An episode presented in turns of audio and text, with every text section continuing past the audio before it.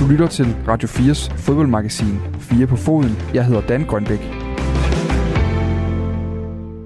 Må Københavns Kommune gerne samle en del af regningen op, hvis øh, parken, altså den privatejede hjemmebane for FC København, og så derudover også landsholdet, skal udvides? Det spørgsmål trænger sig på efter øh, sidste uges udsendelse af Fire på Foden, hvor Venstres øh, overborgmesterkandidat i Københavns Kommune, Cecilia Lonning Skovgaard, meldte sig klar til at kaste kommunale kroner efter en øh, udvidelse af parken. Dels fordi vi øh, er hovedstad, og på den måde skal kunne skuldre lidt mere, øh, når det gælder vores allesammens fodboldlandshold. Vi er også øh, kan man sige, hjemsted for, øh, for FC København. Øh, det er vores flagskib. Og på samme måde som man i Aarhus Kommune tidligere i år besluttede at give 250 millioner kroner til at udvide deres stadionfaciliteter, så synes jeg jo ikke, det er en utænkelig tanke, at vi også i Københavns Kommune kunne chippe ind her. Men hvad siger juraen egentlig? Hvornår bliver øh, støtte til landsholdseufori og lokale fodboldflagskibe egentlig til ulovlig erhvervsstøtte fra det offentlige? Det får vi vurderet i dag af en øh, juraprofessor, som jeg tror, det er første gang i øh, dagens, eller i det her udmyge fodboldmagasin, at vi har sådan en med. Vi skal også kigge mod kvindelandsholdet, for når de spiller, så er det ofte spillere som Pernille Harder og Nadia Nadim, der løber med al medieopmærksomheden. Men en tredje dansk verdensstjerne kan være på vej. Landsholdets spydspids Signe Brun er netop skiftet til verdens formodentlig bedste kvindefodboldhold. Du kan høre Brun fortælle om øh, landsholdsformen, om hverdagen som en del af Olympique Lyons femdobbelte Champions League-vinder lidt senere i den her time. Så kommer der også en øh, stille succes på besøg i dagens program. Randers FC, de bevæger sig roligt, men stødt frem og opad i de her år, efter en øh, tumultarisk tid med træner- og direktørfyringer, mismod blandt fansene og øh, relativt ombruste dokumentarudsendelser, der, der gik rigtig tæt på klubben. Som oftest så har øh, succes jo flere årsager, men en af de centrale personer i Randers FC's tur fra kaos til Conference League-gruppespiller pokalsejr hedder Søren Pedersen. Tidligere pløjede han bolde væk som øh, bak på holdet som anfører på Randers FC's hold. I dag er han på fjerde år direktør med hovedansvar for at finde tilbage til dyderne for at kunne finde vejen frem for fodboldklubben fra Kronjylland. Rigtig hjertelig velkommen til Fire på Foden. Jeg hedder Dan Grønbæk.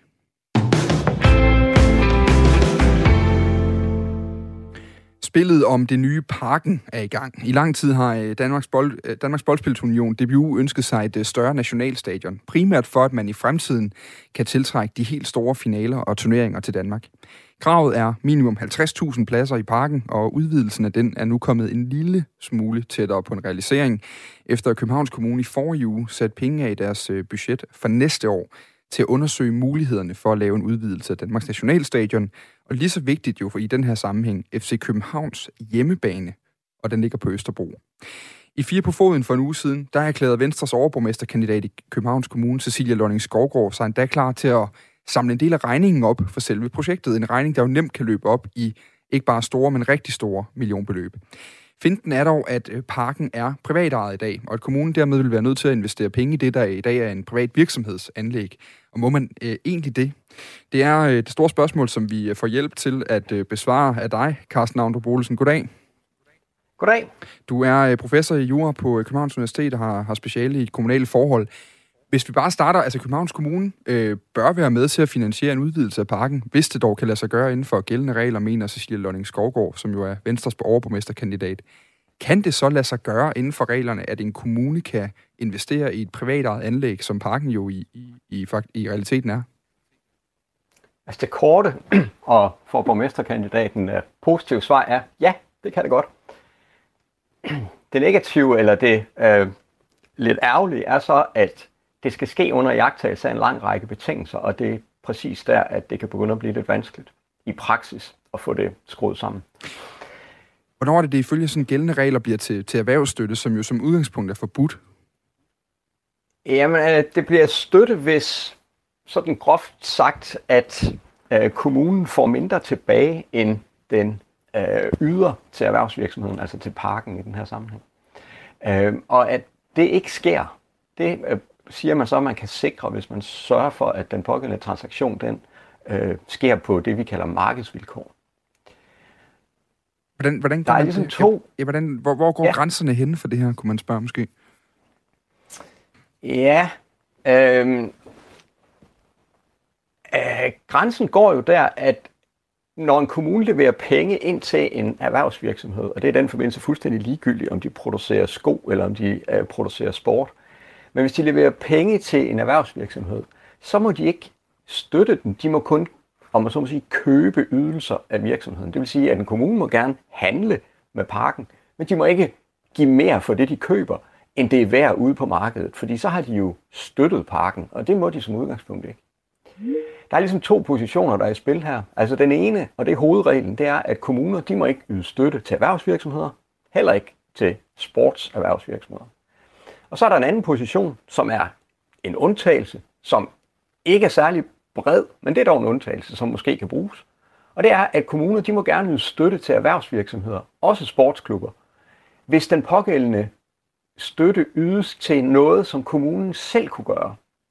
Så hvis nu tager en fodboldklub, hvis så de ejer et stort stadion, men ved siden af det også for eksempel ejer nogle træningsbaner, som alene bruges til skoleidræt eller foreningsidræt, så kan kommunen godt gå ind og støtte den del af det. Men de må ikke støtte erhvervsdelen, altså for eksempel udlejning af øh, kontorfaciliteter, som er bygget ind i et stadion. Mm. Så det er de to, øh, hvad kan man sige, yderpoler, øh, man skal prøve at, at finde sin ben i, i sådan en sag som den her. Og det, og det er jo her, det bliver øh, virkelig rart, at vi har dig med, fordi når man begynder at tale om undtagelser i jura, så, så er det jo der, det begynder at blive kompliceret for, for lægmand og, og, øh, og så vil sige, stakkels øh, fodboldradioværter også. Altså, sådan en undtagelse, hvor, hvor, hvor bred er den, altså hvor, hvor god mulighed er der for det, fordi det lyder umiddelbart nemt nok bare at plante en fodboldbane ved siden af parken, og så pløjer man bare sæder op inde på stadion. Ja, det er det ikke. Øhm, altså, for det første, skal, hvis man skal bruge den her undtagelse, man skal altid huske i juraen, at undtagelser jo netop er det lille den lille del til forskel fra hovedreglen, som var forbuddet. Men, men, men det, som kommunen kan, det er altså at støtte nogle aktiviteter, som de selv alternativt kunne have udført. Det er den ene betingelse. Den anden betingelse er også, at hvis der er sådan nogle blandede aktiviteter, som jeg kan forstå, der er i parken, fordi de jo også har noget, noget udlejning af forskellige slags, så skal de der kommunale kroner, så skal de øremærkes, som man kalder det. Det vil sige, at man skal sikre fra kommunens side, også aktivt, at de her penge, som kommunen giver til parken, kun bliver brugt til de kommunale øh, aktiviteter. Altså i mit eksempel, det der med, at de, de drev sådan et træningsanlæg for, for skolefodbold. Ikke? Øh, og problemet er i den her sammenhæng, at man som udgangspunkt siger i praksis, at man kan ikke yde støtte til anlæg. Og det er fordi, man ikke kan øremærke et anlæg. Det kan man gøre i den der, det eksempel, jeg havde, hvor man har sådan en, en bane ved siden af. Mm. Men du kan jo ikke øremærke af græstæppet inde i parken og så sige, jamen, men, men det, det betaler vi til, sådan at fodboldklubben kan, eller hvad hedder det, skolefodbolden kan spille der. Men om søndagen, så er det jo så FCK, der spiller der, og det kan man ikke rigtig finde ud af at håndtere, så derfor siger man, at hovedreglen er, at anlæg, dem kan man ikke yde støtte til. Og så er det jo, at vi begynder at få problemer i forhold til, til, til den her øh, sag, som du har, har fundet frem. Jeg kan lige prøve at spille et klip her, fordi Cecilia Lønning Skovgaard, hun havde faktisk allerede på forhånd selv gjort sig nogle tanker om, hvordan øh, Københavns Kommune kunne bidrage, uden at det øh, nødvendigvis kom i kambolage med, med erhvervsstøttereglerne. Vi kan lige prøve at høre, hvad hun sagde her. Jamen, jeg forestiller mig jo, at vi, øh, vi kan være den, den part, der for det første også skal ind og bidrage økonomisk. Og det kan jo enten være ved at skyde nogle penge ind i en, i en anden fondskonstruktion, eller selskabskonstruktion. Det kunne også være ved at bringe nabogrunden til parken, den vi kalder skøjtehalsgrunden, der ligger mellem parken og så øh, atletikstadion. Der er et stort ønske hos nogle af vores lokale klubber om at bruge den til nogle idrætsfaciliteter, men kan man på en eller anden måde få nogle ting til at gå op der ved at sige, så får vi nogle idrætsfaciliteter, men vi kunne flytte de kontorer, som Allan var inde på, der lige nu ligger i hjørnetonene, dem kunne vi flytte derover, øhm, og det kunne Københavns Kommune stå for det byggeri. Det kunne også være en vej. Og Allan, det er Allan Agerholm, der er bestyrelsesformand for Parken Sport Entertainment, og faktisk også øh, fungerende direktør i selskabet i øjeblikket. Det handler jo om, at der er i, i parken de her store kontortårne, hvor man, øh, hvor man jo udlejer til virksomheder, til restauranter og til alle mulige andre. Og det er jo så de kontortårne i hjørnerne, man, man taler om, man måske kunne lave til pladser og på den måde udvide kapaciteten. Øhm, men det vil jo så kræve netop, at man lagde dem over i en, i en bygning, Københavns Kommune måske kunne øh, levere på en eller anden måde over på den her grund ved siden af det lyder jo lidt som om, man har tænkt i netop den her undtagelse. Du, du taler en lille smule om, øh, Carsten, Carsten Andro Bolsen. Altså, øh, kan, kan man komme udenom de her regler på den her måde? Nej, det, altså, det er jo godt at være fantasifuld, når man skal indrette sig. Det, det er jo sådan set fint nok, og, og man skal, jeg skal i hvert fald være forsigtig med at sige, at det kan ikke lade sig gøre, og bla bla, men jeg kan konstatere, at det er ikke en kommunal opgave at agere udlejer af erhvervslejemål. Og, og, og derfor tænker jeg sådan umiddelbart, lige det du skitserer der, det, det får måske nok en lidt tung gang på jord. Mm. Vi kan lige prøve at tage et andet eksempel, fordi Cecilie Lønning Skovgaard, øh, da jeg spurgte hende ind til, hvorfor det dog skulle være skatteborgerne i København, der, der skulle være med til at betale sådan nogle ting her, så henviste hun til, at øh, andre, og ofte jyske kommuner, også støtter øh, deres lokale elitesportshold med at bygge faciliteter og lignende. Vi prøver at høre, hvad hun sagde her. Jamen, hvis vi bliver inden for øh, sport, øh, event, kulturområdet, så er der jo en lang række øh, foretagender, der så kan være organiseret på den ene eller den anden måde, der modtager støtte, enten via driftstilskud, eller aktivitetstilskud, eller anlægstilskud på den ene eller den anden måde. Og igen, hvis vi bare bliver på fodboldbanen, jamen tag en tur rundt i Jylland og spørg de jyske kommuner, hvordan de gør. Altså, der er jo blevet givet tilskud i overvis, og jeg kan sådan set godt forstå, hvis man fra parkens side indimellem har synes det var lidt mærkeligt, at man var den eneste klub i Danmark, måske fra sit Lyngby, der ikke fik den samme opbakning og støtte fra sin kommunes side. Det handler jo om, hvis man kigger på, øh, på fodboldlandkortet over Danmark og, og fodboldstadioner, så er der mange af dem, der er kommunalt ejet, og så lejet ud til, øh, til, til klubberne på forskellige vilkår. Altså, hvad er forskellen egentlig på rent juridisk, når en kommune bygger et stadion til deres lokale fodboldklub, lejer det ud til fodboldklubben, og så når man øh, de facto går ind og hjælper med at finansiere det? Ja, altså grundlæggende er reglerne de samme, nemlig at kommunen ikke må støtte sportsklubber, øh, som er erhvervsvirksomheder. Og det gælder altså uanset om det er et kommunalt stadion, eller om det er et privatejet stadion. Men, men, men jeg tror, når, når man oplever det som en forskel, øh, når man kigger på det udefra, så kan det jo være, at det er fordi, man siger, jamen den professionelle klub, som spiller på et kommunalt ejet stadion, de, de kan jo, altså der kan, de jo, kan man jo se, at der for eksempel bliver sat øh, nye lysmaster op, eller der bliver etableret sikkerhedsforanstaltninger, eller et eller andet. Øh, og så ser det jo måske ud til sådan den første øjekast, at den, den pågældende fodboldklub får det. Men der er det altså vigtigt at holde sig for øje, at når kommunen kan gøre det, så er det fordi, den ejer stadion selv. Og så er der altså ret hvide rammer for, hvad øh, kommunen må investere i deres eget stadion. Øh, de er sådan stort set kun bundet af to ting, nemlig at det skal være det, man kalder økonomisk forsvarligt, og det er sådan lidt elastik i metermål, så det er ikke noget problem. Og dernæst så er de bundet af, at de må ikke lave noget på stadion, som ene og alene kommer den pågældende fodboldklub til gode. Men hvis de to betingelser er, er, er overholdt, så må, må en kommune gerne investere i sit eget kommunalt eget stadion. Det man så gør, det er, at man siger, jamen den pågældende fodboldklub får ikke noget. De betaler for det, fordi de betaler en leje for at bruge stadion. Og der findes alle mulige forskellige modeller, hvor man har gjort det på. Mm. Men der bliver ligesom betalt for den ydelse, man får, altså adgangen til at bruge stadion og de faciliteter, der nu hører til. Ikke? Så, så det er derfor, at det ser ud som om, at de, de klubber, der spiller på kommunalt eget stadions, de får en hel masse støtte, men det er forkert, når man siger, at der er blevet ydet tilskud i overvis. Fordi hvis det er en erhvervsdrivende fodboldklub, så ydes der ikke et tilskud. Der betales en ydelse, altså der, der stilles en ydelse til rådighed, som kommunen får betaling for.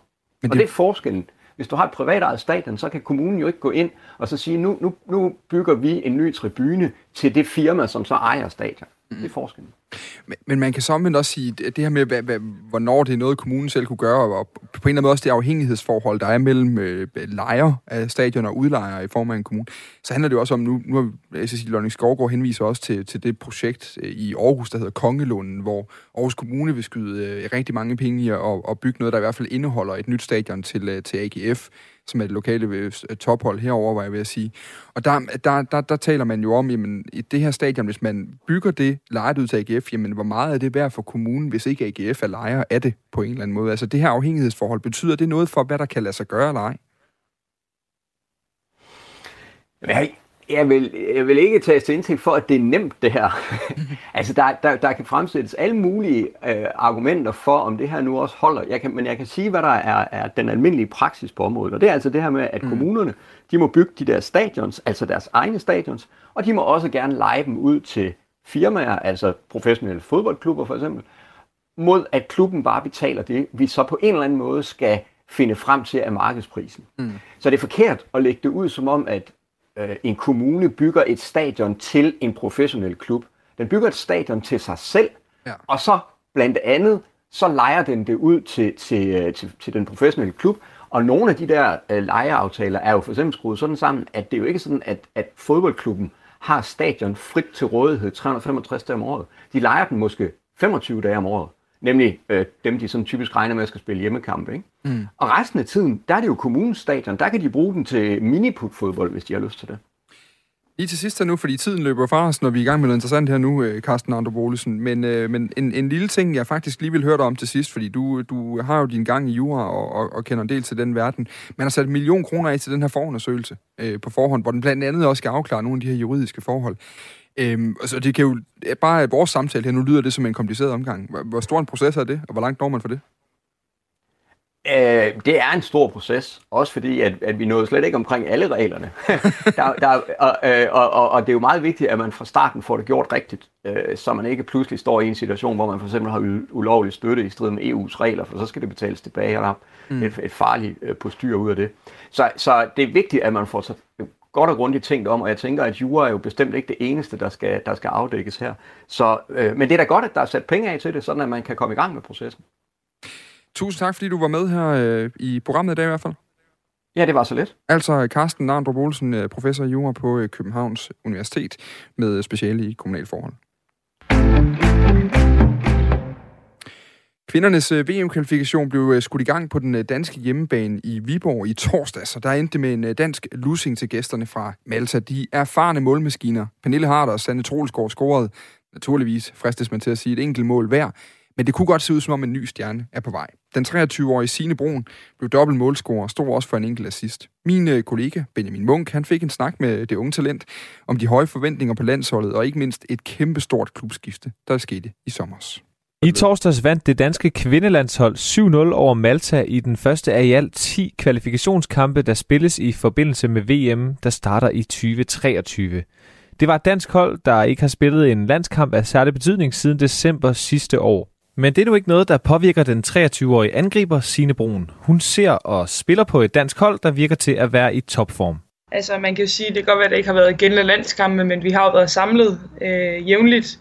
Og der, vi har også alle sammen igennem en, en preseason ude i klubberne, øh, hvor der altid bliver givet, den, der bliver givet gas og hård træning og en hård periode. Øh, så der står man jamen, altid skarp efter sådan en preseason også. Øh, og så kender vi jo hinanden godt på holdet.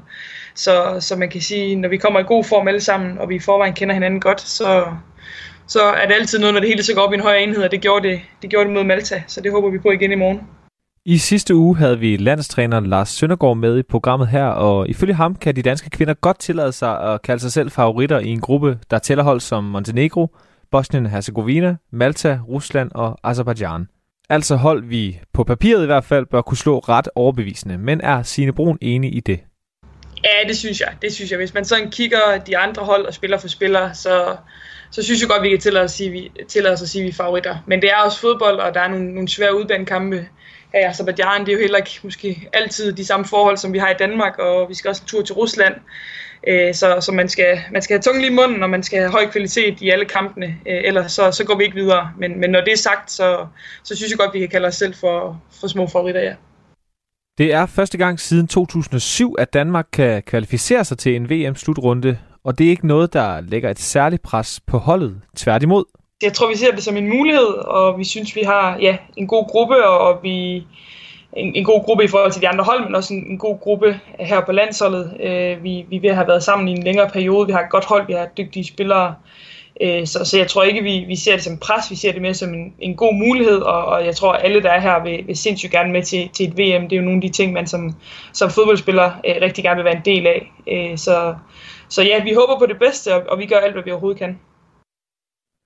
Vi skruer lige tiden lidt tilbage, for som jeg var kort inde på i starten, spillede de danske kvinder den seneste kamp af betydning tilbage i december, altså i 2020.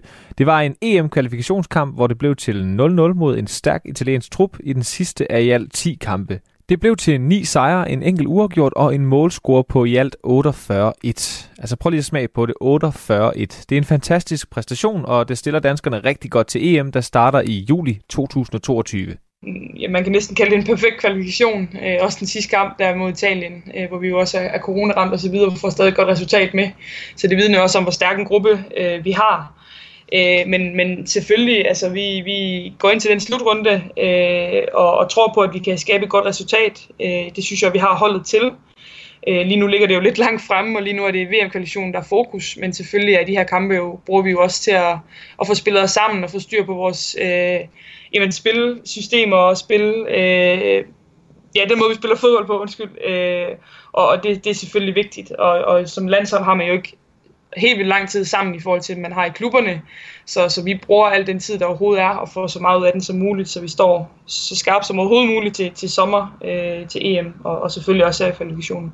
Der skal spilles 10 VM-kvalifikationskampe i alt gennem efteråret og foråret, og udover det er der jo øh, kampe regelmæssigt i spillernes respektive klubber. Et hårdt og forholdsvis tæt pakket program, der, hvis man spørger Signe, alligevel ikke kommer til at have den store negative indflydelse på spillernes form. Jeg synes, at, at det, man kan se det på to måder. Man kan også se det som en, en fordel lige med, at vi får en masse kampe og en masse kampminutter i benene. Øh, og det er jo klart, at jo flere kampminutter, jo bedre også for landsholdet. Øh, så, så jeg tror ikke, der er nogen, der ser det som en, som en ulempe. Øh, vi er, en, som jeg sagde, en, en stor gruppe med en stor kvalitet, øh, bred øh, trup.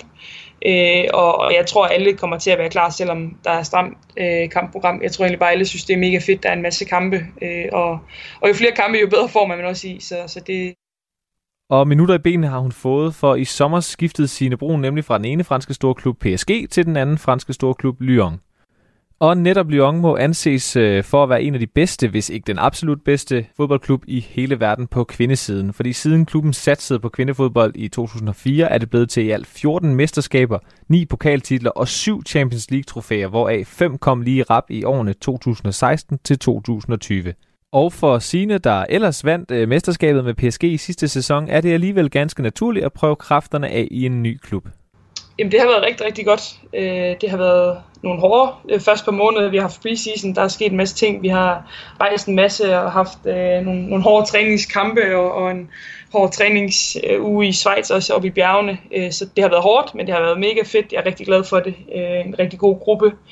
Øh, har også spillet en masse, så det er også rigtig, rigtig dejligt. Det er jo også en del af, af planen. Øh, så jeg er rigtig godt, rigtig godt tilfreds indtil videre, og jeg er rigtig glad for det. Og uden at tage noget som helst fra PSG, så er det altså Lyon, der traditionelt set anses for at være den øh, bedste fodboldklub i verden, og dermed også lige det bedre end PSG. Men det gør ingen forskel for Sine Brun, for hun kæmper og giver alt, hvad hun har, om det så hedder PSG eller Lyon jeg synes, det, det, det minder meget om hinanden i, i PSG og, og Lyon. Øh, PSG havde jo også en af de bedste angriber, eller hvis ikke den bedste angriber i Frankrig. Så på den måde for mig er det sådan, er det, det hen af det samme. Øh, jeg har jo spillet mere her i Lyon, end jeg gjorde i PSG. Så på den måde har jeg fået mere hul igennem, og jeg har jo heller ikke skiftet til Lyon, hvis ikke jeg troede på, at jeg kunne få mere spilletid, end, end jeg gjorde i PSG.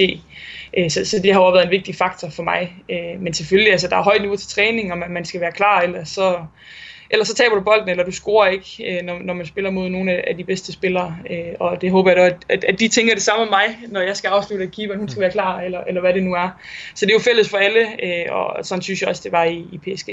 Selvom der ikke er den store fodboldmæssige forskel fra den ene franske storklub til den anden, så er der alligevel en ret interessant og markant forskel, som jeg af gode grunde ikke havde set.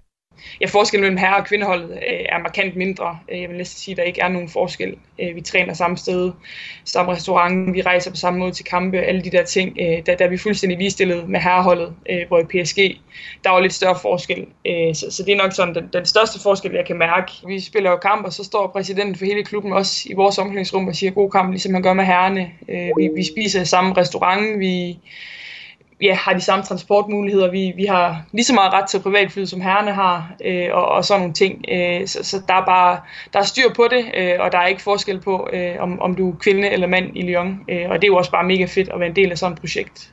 Og lad os så lige vende tilbage til den igangværende VM-kvalifikation, for kampen mod Azerbaijan spilles i morgen kl. 18 dansk tid, og forberedelserne er selvfølgelig i fuld gang i Baku. Og det ville være mærkeligt, hvis Side Brun ikke forventede endnu en sejr, men hun tør alligevel ikke helt at lov, at det bliver til 7-0 endnu en gang jeg ved ikke, om jeg forventer en stor sejr, men jeg håber, da, jeg forventer, den en sejr. Øh, men som sagt, så, så det er ikke altid nemt, de her udbanekampe. Vi skal også spille på kunstgræs i morgen. Øh, det, det skulle ikke have, have stor betydning, men, men vi skal være klar fra start, og, og vi håber på at kan få et, et tidligt mål, så går det resten af kampen lidt lettere også. Øh, men, men vi skal være klar, og vi tror også, at, at de er lidt bedre end Malta. Så, øh, så vi forbereder os, øh, som vi gjorde sidst, og, og så, så kommer vi til at være klar fra start og gøre alt, hvad vi overhovedet kan for ja, og selvfølgelig score så mange mål som muligt, men det allervigtigste i første omgang er, er sejren. Efter kampen i morgen, der er der en øh, måneds pause inden Bosnien og Herzegovina gæster Viborg den øh, 21. oktober. Kvalifikationen den løber ind til september 2022, og VM det er sat til at starte i juli om øh, små to år. Det er i New Zealand og Australien, at det skal spilles. Det var min kollega Benjamin Munk, der havde talt med sine brun over en, en teamsforbindelse fra Baku, hvor man altså spiller mod uh, Azerbaijan senere i den her uge. Og der er bare en eller anden øh, ring af noget verdensmester, noget verdens bedste over det her med øh, kvindefodbold i Danmark, fordi vi er faktisk også nummer et, når det kommer til at forske i kvindefodbold. Sådan fortalte øh, Kvindeligaen selv for nylig, og det kom på baggrund af et helt nyt studie, der viser, at Kvindeligaen er blevet mere intens. Det er et studie, der er udarbejdet af Syddansk Universitet. De har siden øh, 2007 haft et samarbejde med DBU, og i 2018 der blev samarbejdet så oprustet markant på kvindefodbolddelen. Det har nu ført til, at Danmark faktisk er verdensførende på området, når det kommer til forskning i kvindefodbold. Det skal vi lige prøve at forstå, hvad det egentlig betyder sammen med Peter Krostrup. Pæn goddag, Peter. Pæn goddag. Du er professor ved Institut for Idræt og Biomekanik på øh, Syddansk Universitet. Øhm, og, og vi kan jo egentlig bare starte. Hvordan kan man egentlig konkludere, at Danmark er, er de verdensførende på det her område? Ja, det kan man jo kan man sige, konkludere på baggrund af, vores øh, track record, når det handler om videnskabelige artikler, øh, antallet af videnskabelige artikler, men også øh, kvaliteten af videnskabelige artikler, vurderet som hvilke tidsskrifter det bliver offentliggjort i, og også hvor mange citationer af andre forskere, som vores forskning har. Og ja, på alle de parametre, der, der ligger vi i toppen. Og hvis vi skal starte med antallet af artikler, så har jeg personligt udgivet 220 videnskabelige artikler om fodbold, hvoraf de 80 øh, handler om, øh, om kvindefodbold. Og det er altså nogle af de højeste tal, der er i verden. Hvad er egentlig årsagen til det her? Fordi vi kommer til lige om lidt, hvad det er, I forsker i. Det er jo lige så interessant, det er, hvad det egentlig er, fodboldforskning er sådan, som substans, ikke? Men, men, men, men øh, hvad er egentlig årsagen til, at vi er blevet førende på, på det her område? Er det ressourcebrug, eller er det, er det, er det andre ting? Der er mange gode grunde til det. Altså, vi har en meget stærk forskningstradition inden for arbejdsfysiologi og inden for træningsfysiologi.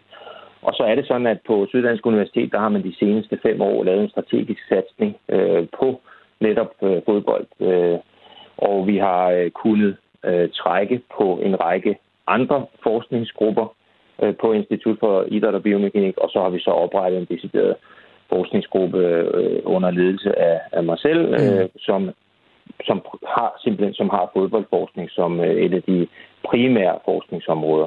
Og med den øh, store stab af medarbejdere, jeg har, som, som dygtigt arbejder med både fodbold generelt, børnefodbold, skole, fodbold, øh, kvindefodbold, herrefodbold, øh, fodbold som sundhedsfremme, ja, så har vi altså helt, helt unikke muligheder. Men det handler da også om, at øh, DBU og, og Team Danmark rent faktisk er, er gået ind specifikt og har øh, afsat øh, midler øh, og øh, ekspertise til at styrke forskningen i, i kvindefodbold. Og det har gjort, at vi øh, ja, inden for de sidste fem år har publiceret 50 ud af de sammenlagt øh, 80 øh, artikler, jeg talte om før. Mm.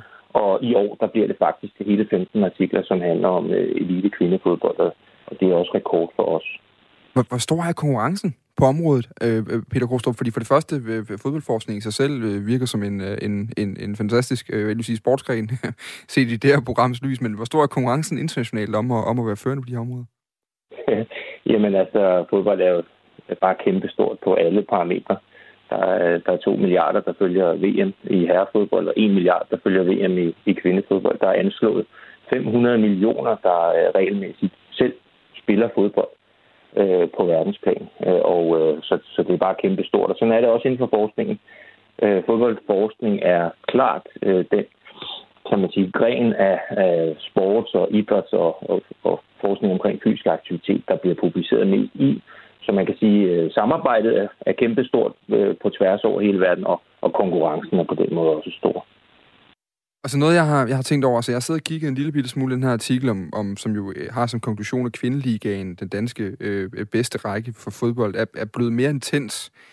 Hvordan, hvordan, altså normalt, når vi taler om fodboldprofessorer, så er det folk som øh, Josep Guardiola eller andre trænere, vi ligesom ophæver til det. Altså, hvordan sætter man øh, fodboldspillet og fodboldens intensitet på formel?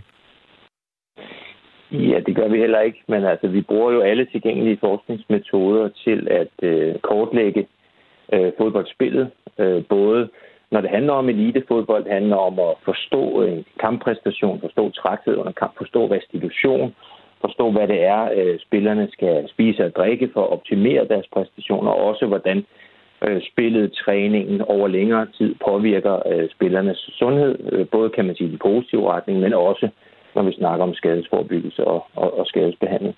Og så har vi jo, øh, ja, som jeg sagde før, forskning i, hvad fodbold kan bruges til generelt, når det handler om øh, sundhed, fysisk form, øh, trivsel, læring, Og det er jo, som jeg sagde, også øh, både når det handler om børn og unge, voksne, gamle og patienter, øh, og når det handler om at øh, bruge øh, fodbold og den kæmpe popularitet, det har øh, som et øh, middel øh, mm. til at skabe trivsel og, og sundhed, og også som vi har øh, vist i øh, mange, mange, mange øh, artikler over de seneste 10 år, at, øh, at fodbold kan betragtes som en form for, for medicin. Men det er jo, øh, jeg vil sige, det er lige før vi skulle have klippet det citat ud og brugt det som, uh, som kending i det her program, hvor jeg vil sige, det er jo mange, der har den fornemmelse af det.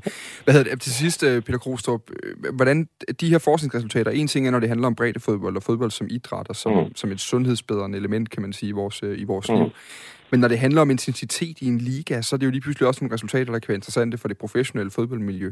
Altså, hvordan øh, kan de adapteres til det, og, og hvordan er interessen egentlig fra, fra de professionelle miljøer for, for, for decideret forskning og videnskab ind på, øh, på deres, øh, deres arbejde med elitefodbold? Der er super stor interesse øh, for, øh, for vores forskning, og øh, der er muligheder for, fordi vi var tidligt ude. Øh, vi udgav den første videnskabelige artikel om den bedste øh, kvinderække i 2005 har udgivet materiale igen i 2010 og 15, og nu altså et meget, meget større materiale, som handler om, at vi har kortlagt med GPS-målinger øh, af bevægelses... Øh, øh, aktivitet, øh, acceleration og deceleration, topfart, højintensløb, total distance, og også pulsmålinger, mm. øh, videofilminger etc., så har vi kunne se, at øh, ja, ligaen den er blevet mere intens. Der er øh, 20 procent længere distance ved højintensløb over 15 km, og hele 50 procent mere øh, sprint over 18 km i timen. Og, øh, og det hænger blandt andet sammen med, at spillerne er i bedre form nu. Vi har målt en 12 procent bedre jojo-testpræstation, altså intervallarbejdsevne, og, og en 4 procent bedre øh, sprintpræstation på, på 30 meter. Mm. Og det betyder, at øh, ja, det er blevet mere intenst. Man vil kunne øh, se det, når man, øh, når man ser øh, kvindeliggekampene. Og, øh, og det betyder også, at vi står øh, lidt bedre rustet, når vi sammenligner os med det internationale, som dog også har udviklet sig til at blive mere intenst. Så vi er kommet øh, længere, det er blevet mere intenst, vi er kommet i bedre form, men der er stadig et spring op til de absolut bedste. Peter Krostrup, altså øh, professor, fodboldprofessor, en af de absolut bedste titler, jeg tænker, man kan, man kan grave til sig i universitetsverdenen, umiddelbart på Institut for Idræt og Biomekanik ved Syddansk Universitet. Tak fordi du kunne være med her i programmet i hvert fald. Selv tak. Og øh, forskningen fortsætter altså, øh, og det er på øh, Syddansk Universitet. Det er altså, som han var inde på, Peter Krostrup i et samarbejde med både øh, DBU og øh, DIF, at man har øh, lavet øh, det her center over, og er nået den her position.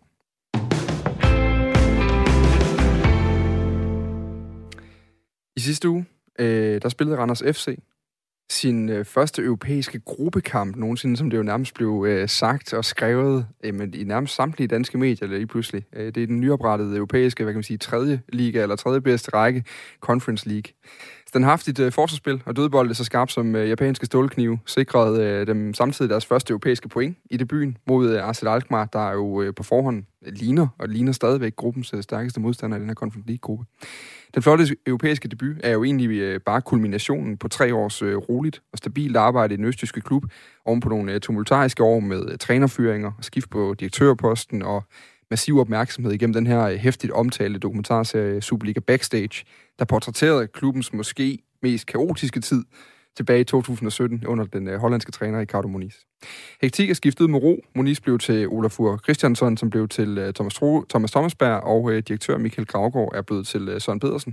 Det blev han i øh, sommeren øh, 2018. Velkommen til dig, Søren Pedersen. Tak skal du have. Og tak fordi du har lyst til at øh, komme i studiet i dag kommersiel og øh, sportslig direktør i Randers FC, og, øh, og ligesom manden har siddet ved roret i, øh, i den der udvikling, der har været siden sommeren øh, 2018. Jeg tænkte, vi har en masse ting, vi skal nå at snakke om, inden øh, klokken bliver 18, og der er nyheder igen her i programmet, men jeg kunne egentlig godt tænke mig at starte et lidt mere kuriøst sted, fordi jeg sad øh, og fandt den der øh, indledende pressemeddelelse, som jo normalt, du ved, det er, der, der er alting er rosenrødt, og det er, man, man tager lige med, og når man laver sin artikel, men ellers så er der ikke så meget mere at hente i den. Men, men så havde I lagt den på Facebook dengang for Anders FC, og så kom der jo nogle kommentarer nedenunder. Og øh, nu prøver jeg bare at læse op, så ja. øh, kan vi jo se, hvad vi får ud af det. Der er Susanne, hun skriver, at Randers FC, de er så færdige i Superligaen, takket være dårlig ledelse i alle henseender. Så er der en, der hedder Dan, det er jo ikke mig, skal jeg huske at sige, øh, der skriver, hvor er det fedt, at vi har mistet alle ambitioner. Det der topmålet er dumt. Men igen, så er det så meget Randers både som klub og by. Så skriver Søren, kender ikke Søren, men tvivler godt nok her. Hvad kvalificerer en kontormøbelsælger til dette job? Og så er der Nadja, der skriver, nu skal der for alvor spilles tilbage til målmanden. Det må være en henvisning til din øh, position som barkend, nok er til, til ja, din baggrund erhvervsmæssigt. Det må det være. Ja. den sidste kommer fra Morten, der skriver, der er ingen ambitioner tilbage i den klub. Kunne vi venligst få Peter Halvorsen tilbage som formand, og skulle nogen være interesseret i en håndfuld AFC-aktier, så sig endelig til. Stor rabat kan sagtens forhandles. Jeg håber næsten, han ikke solgt, fordi de aktier, de må unægteligt være blevet mere værd. Ellers så vil jeg godt købe dem i hvert fald. til 2018-priser måske, ja, det kan gøre. Ja. ja. Øhm, det var jo det var, det var, en, det var en anden klub, du kom ind i 2018, og, og grund til at tage de her kommentarer med, er jo ikke øh, for at drille dig hverken med, med, med din øh, jo et succesfuld virksomhed som kontor, øh, altså solgte kontormøbler tidligere, eller, eller med at du spillede tilbage, eller pløjede bolden frem som bak dengang. Det var mere for at sådan, prøve at eksemplificere den her, det her mismod, der er dukket op i det i kommentarfeedet alene under den nyhed dengang. Hvad var det for en klub, øh, hvis vi starter der, du kom ind i 2018 dengang? Ej, det var en, øh, det var en klub i, i frit fald. Det var, det var en klub, der havde store problemer, både, øh, både sportsligt og administrativt. Øh, mange udfordringer og øh, dårlige beslutninger, som var blevet truffet. Så, øh, så der var rigtig mange ting, som skulle, øh, skulle back to basis, hvor at vi øh, ligesom fik struktur på tingene. Vi fik... Øh, jamen, fundet de gamle dy- Randersdyder, hvor at øh, arbejde stenhårdt og, øh, og kunne lide at være der, og ligesom kunne stå inden for nogle af de ting, som også blev lavet. Det lyder som sådan en helt basale ting i en virksomhed, der skal køre nogen ordentligt, men det var det ikke på det tidspunkt? Øh, nej, det, det, det kørte i hvert fald ikke på den måde, men det var det, man kan sige, at vi gerne vil tilbage til, og det var også den snak, jeg havde med, med bestyrelsesformanden på det tidspunkt, hvor han, han spørger, om jeg er interesseret, eller er interesseret i at, at sige ja til den stilling. Mm. Og øh, jamen, selvfølgelig var jeg da, var jeg da betænkelig, da, da vi havde snakket omkring det, men omvendt så øh, fylder Randers FC så meget i mit hjerte, og har altid gjort det. Øh, jeg har siddet i bestyrelsen i to år tidligere også, så jeg havde sådan en rimelig kendskab til, hvad der foregik, og hvad jeg synes, der skulle laves om. Øh, og havde selvfølgelig også øh, efter min tid som fodboldspiller fået noget erfaring øh, ledelsesmæssigt i at have en, en virksomhed, som, som solgte kontormøbler, så så jeg synes egentlig, jeg var klar til at kunne, kunne tage opgaven også, og, øh, og så heldigvis ja, kan jeg sige på nuværende tidspunkt. ja, det er det, fordi det ser rimelig pænt ud, hvis man kunne, øh, kunne have spolet frem til nu og kigget dengang. Men, men, men det her omkring sådan erfaring på det tidspunkt, du var jo selv øh, som spiller øh, i Lyseblå, nærmest fra, ind, øh, fra inderst til yderst øh, på det tidspunkt, øh, bakspiller. Derudover, det har vi også været lidt omkring med, både med de høje bolde og med tilbagelægningerne, men, men, øh, men så derudover har du haft noget, noget erfaring fra, fra salg øh, i din egen virksomhed osv. Hvad, hvad tænker man om, hvad kan egentlig gøre en klar til det job, og det, der skal være i en fodboldklub? For det virker jo nogle gange også som en branche, der er fuldstændig uden for skiven i forhold til, hvad man ellers skal prøve. Ja, det er det også, og det er, det er også meget anderledes end at drive en, en almindelig virksomhed. Så, øh, så det at være klar til det, det ved jeg egentlig ikke, om, om jeg synes, jeg, at jeg 100% var, men øh, for det første, øh, som jeg sagde tidligere, var det, var det min klub, og jeg var sikker på, at jeg kunne gøre, gøre et eller andet, så i hvert fald komme i den rigtige retning, og så havde jeg selvfølgelig også en forhåbning om, at, øh, at vi kunne få det tilbage på sporet, og så, øh, så få det til at køre, som det, det heldigvis også kom til.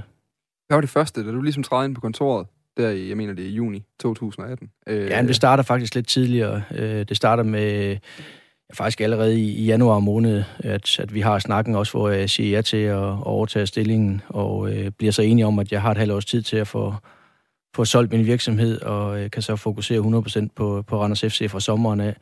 Øh, men der går ikke lang tid før, at øh, vores bestyrelsesformand, Per Hastrup, øh, ringer til mig øh, og hører, om jeg ikke har lyst til at komme ind og hjælpe til som assistenttræner også. Ja. Øh, og det vælger jeg så at sige, sige ja til også, selvom jeg var, var meget tvivlende på, om det var det rigtige at gøre, men øh, man vælger så at sige ja også, fordi at Rasmus Bertelsen, som jeg har været med til at pege på, også skulle skulle føre det i mål og sørge for, at vi ikke rykkede ned, øh, pegede på mig og sagde, at hvis vi skal overleve, så skal der kræfter som dig ind øh, mm. i det her halvår også, så derfor valgte jeg at sige ja til det.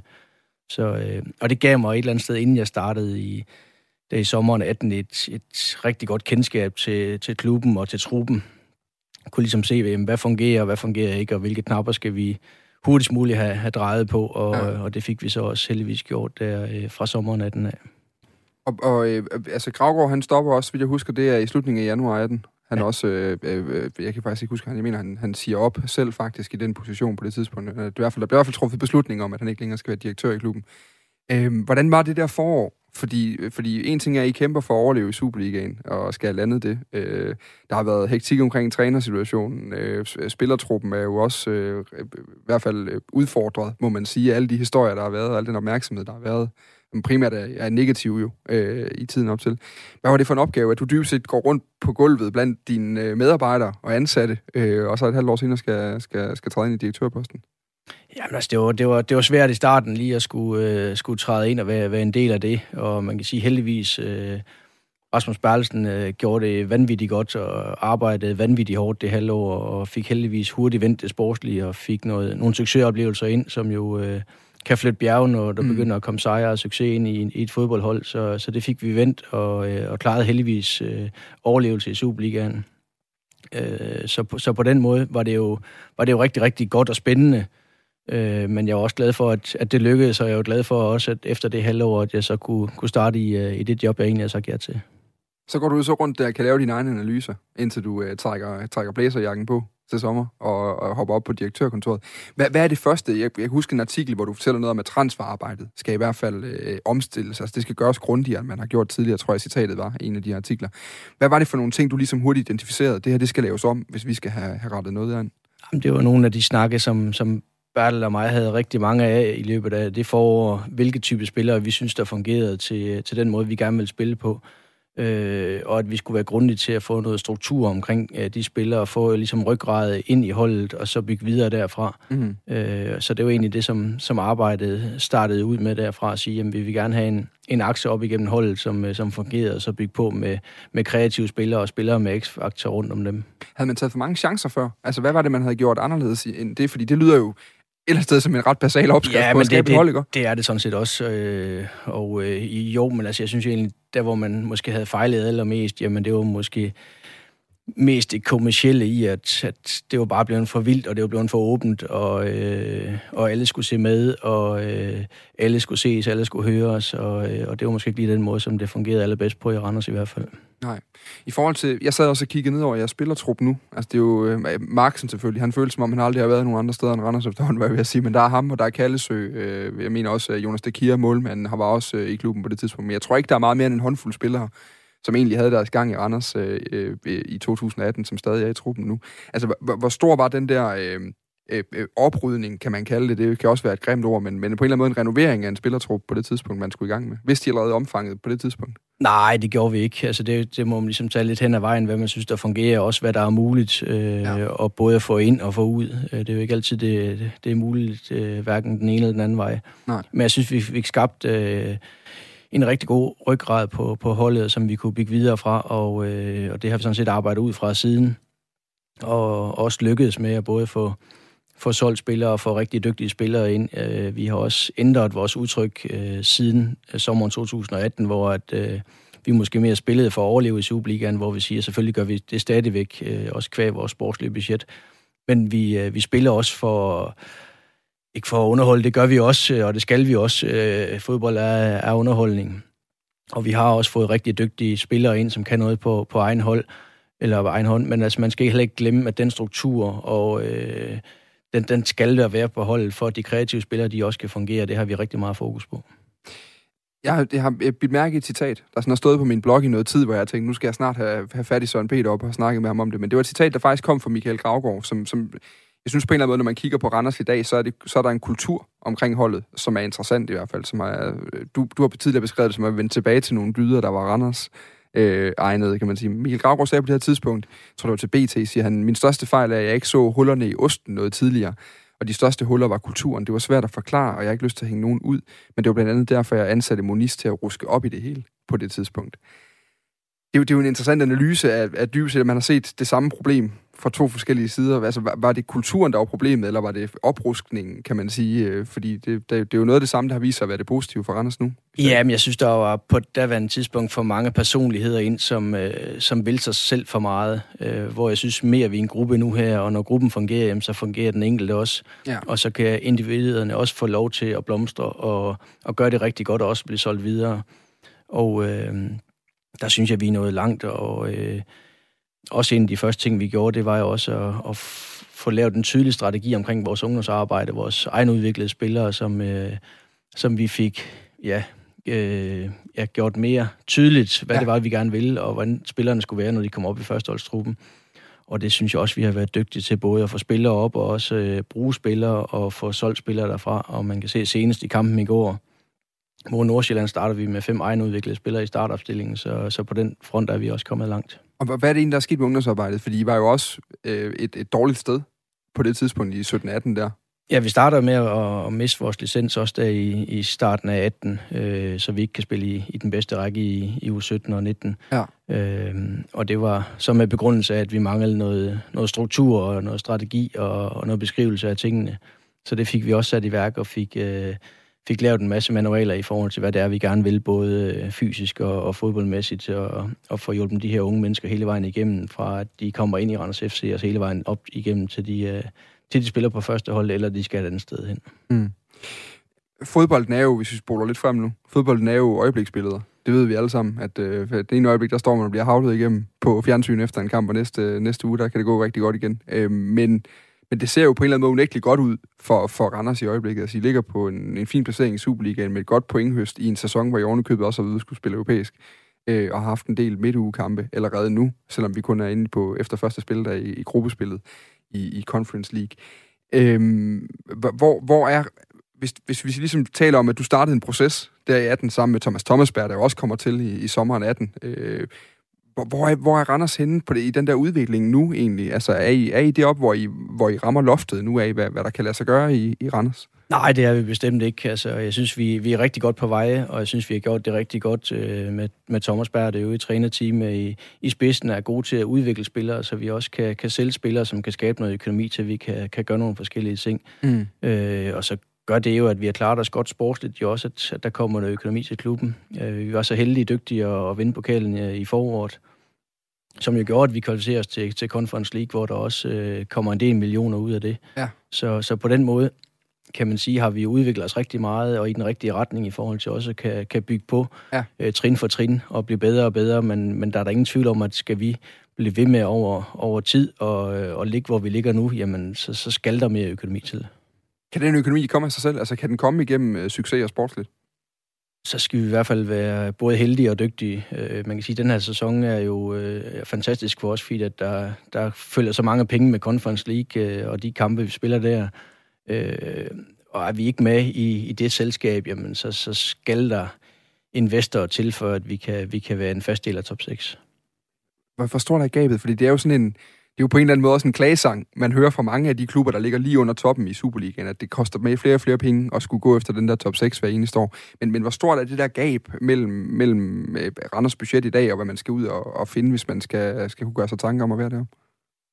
Jamen, det er, jo, det, det er jo stort. Altså, man kan sige, skal vi for eksempel op og sammenligne vores økonomi med AGF, jamen, så skal vi fordoble vores økonomi.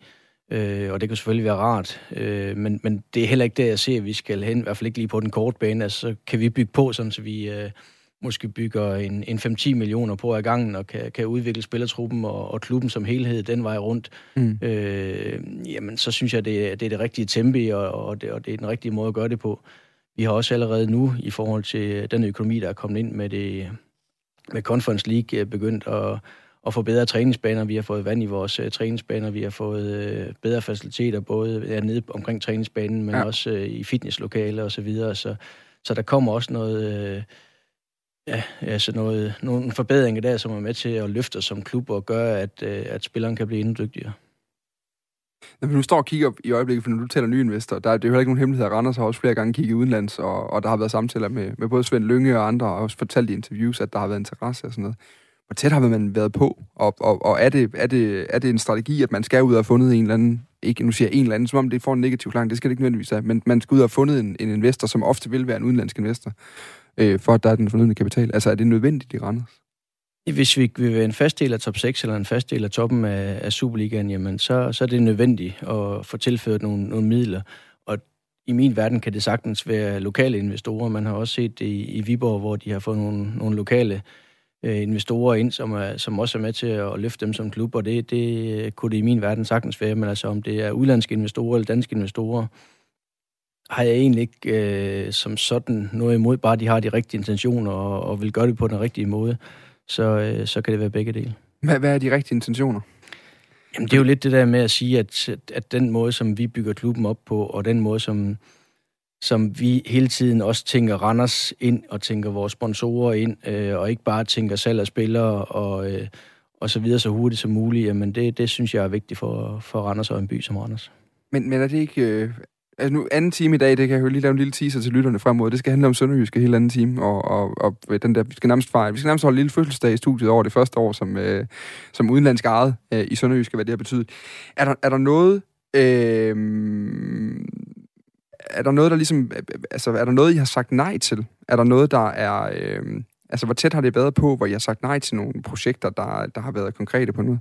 Jamen, altså, der har været nogen, som har været, været tæt på, og der har også været nogen, som har været uh, interessante, hvor at, uh, at de så har valgt at, uh, at sige nej. Uh, men jeg synes jo også, der er skrækeksempler, hvor at man, man kan sige, at heldigvis har man da ikke sagt ja til sådan noget, hvor at, uden at jeg skal genere Esbjerg, men det vil jeg da være træt af, at det var Randers, det var sket i. Ja. Hvad, hvad har så været galt de gange, I har sagt nej? For, for at prøve at blive lidt konkret og for at prikke til dig med den.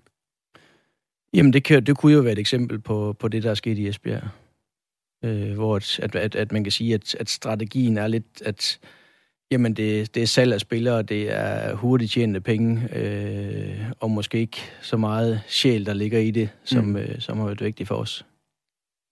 Er det, er det realistisk at finde? Fordi det er, jo sådan, det, er jo, det er jo noget, jeg hører tit, når jeg taler med fodboldledere, der på en eller anden måde kigger efter penge. At man leder efter nogen, der virkelig brænder lige så meget for Randers, som du, Søren, gør, som Svend gør. Som som, er, er det realistisk at finde det, tror du? Nej, det er ikke sikkert, det er det, men så kan man sige, heldigvis har vi klaret os fint uden. Øh, men der er der ingen tvivl om, at, at skal vi op, jamen, så skal der ja, investeres flere penge, men altså, der, er, det, der ingen hemmelighed, at der, der findes også rigtig mange... Øh, dygtige erhvervsfolk i Randers, som også har, har rigtig mange midler, og, og der kunne man da håbe på, at der var nogle af dem, der havde, havde lyst til at være en, en del af projektet på et tidspunkt. Hvad er ambitionen i Randers? Fordi det er også det, det handler meget om. At nu, øh, nu ligger I godt til i år. Der har været en positiv udvikling, som vi har stået her og, og lavet et rigtigt... Øh, øh det, det er sjældent, man laver så positiv en ren fodboldsnak, fordi det har jo fungeret relativt godt over de sidste tre år. Hvor, hvor, skal, hvor skal Randers hen? Altså, man bliver ved med at sige, hvis vi skal være en del af toppen af dansk fodbold, skal Randers det? Mm, ikke nødvendigvis. Altså, jeg håber der meget på det, øh, og jeg vil arbejde rigtig hårdt for, at vi bliver det, også selvom økonomien ikke er til det. Og det, øh, det gør hele klubben. Det, øh, det er ikke kun i sporten, det er også administrationen hele vejen rundt, som, som har arbejdet stenhårdt for, at vi kan nå det her, og, og kan måske præstere mere end vores økonomi, den berettiger til. Øhm, men der er ingen tvivl, tvivl om, at over tid, jamen, der, der, der er det bare nødvendigt at, mm. at have mere økonomi for og kan være en del af toppen, og det håber jeg da virkelig, at vi kan, vi kan finde, fordi jeg synes, at øh, byen og jeg synes, klubben, den, øh, den fortjener det. Ja, til sidst, Søren Pedersen, du, du, øh, det er jo også blevet bemærket andre steder, at det er gået godt i Randers øh, under din øh, ledelse. Og senest, da AGF skulle ud og finde en ny sportsdirektør, der, var det også, øh, der blev dit navn også bragt op. Det var også i aviserne, ofte fordi man talte om, øh, om et godt venskab mellem du og, og AGF-direktør Jakob Nielsen. Hvor tæt var det på? Var der nogensinde snak om det og, og, og i, i forhold til AGF på det tidspunkt? Nej, jeg har ikke, øh, jeg har ikke haft nogen snak med, med AGF omkring det, øh, og selvfølgelig er det da rart at blive sat i, i forbindelse med andre jobs og så videre, men det har ikke noget, jeg har bekymret mig så meget om. Øh, jeg er rigtig glad for at være i Randers, og jeg synes, det er rigtig fedt, den øh, rejse og den udvikling, vi er på, og det, det nyder jeg hver eneste dag. Kan der være personlige ambitioner om mere? Fordi det er jo også, ligesom spillere og træner, så bygger det også ovenpå jo. Jamen, det har man vel altid, øh, men, men, men omvendt så øh, skal man også snyde, når man er et sted, hvor det, det er godt at være, og det er sjovt at være, og, og det går godt, og, øh, og øh, også er tæt på familien, så, så det betyder også meget. Der var en af de der folk på Facebook, hvis vi lige skal vende tilbage til det, som lynhurtigt skrev, at øh, så får vi i hvert fald styr på bagsmækken nu. Det var det, Søren han stod for dengang, han spillede den. Er det, var det også det, du... Altså, hvad, hvad var det, hvad var det sådan det taktiske i forhold til ja. holdet? Har du, har, var du også inde efter det der monisperiode og sige, nu skal der konsolideres ned bagfra? Ja, det er der ingen tvivl om, at det var nok lidt mere stille og roligt, og øh, være sikker på, at det vi lavede, det holdt vand, øh, i stedet for bare at springe ud og så øh, bygge bro bagefter. Så, øh, så på den måde, der har jeg nok været den forsigtige, som forsøgte at lukke af til. Hvordan var det at stå øh, på Anders øh, stadion den anden dag, da Alkmaar var på besøg? Som jeg også sagde i loungen inden kampen, så øh, var det en stor dag for både for mig og for klubben. Øh, jeg synes, at det var, det var en rejse, vi har været igennem, som ligesom kulminerede med, at øh, det første europæiske gruppespil, en stor klub, der kom til, og masser af mennesker og fed fodbold. Så, så det, var, øh, det var en aften, hvor jeg havde svært ved at sove, og, og var rigtig glad også for resultatet. Hvor, hvor, hvor, hvor er du selv lige i sådan en kamp der? Altså, ja. hvad, hvad gør du helt konkret? Fordi det er jo på en eller anden måde også dit projekts øh, kulmination i Randers. Jamen, jeg er lidt over det hele. Øh, jeg forsøger sådan lidt at gå rundt og, og samle mig, og så har jeg sådan en... Ja, jeg er meget overtroet, så jeg har sådan lidt med, hvis der er noget, der er lykkes tidligere, så skal jeg gøre det igen. Og lige nu her, der øh, skal jeg helst ud og løbe en tur, inden, at, øh, inden vi spiller kamp. Så det, så det var også en af, af de punkter, jeg skulle have nået, inden vi skulle, skulle spille, så, så det fik jeg også lige nået inden. Helt op ad kampstart? Eller hvor tidligt? Det var tæt på, det var i hvert fald med, med svedisk hjort, som jeg gik op i loungen med. Tak fordi du kom i studiet i dag, Søren Pedersen. Selv tak. Og uh, Randers, de uh, spiller altså igen uh, det her den uh, 22. i år morgen. Der spiller man mod Fremad Amager på uh, udebane. Lige på den anden side af uh, en omgang nyheder her klokken helt, der skal vi fokusere helt ind på Sønderjysk. Jeg tror, jeg er så heldig, at ude i sofaen ude foran studiet, der sidder Jonas Lygaard, direktør i Sønderjysk, og venter på at komme ind og tale uh, fødselsdag med mig, og, og lidt omkring det nye ejerskab i Sønderjysk, og hvad det har uh, betydet. Første time her var produceret jeg selv, Dan Grønbæk og Benjamin Hørluk Munk, samt Niklas Stein. Nu er der nyheder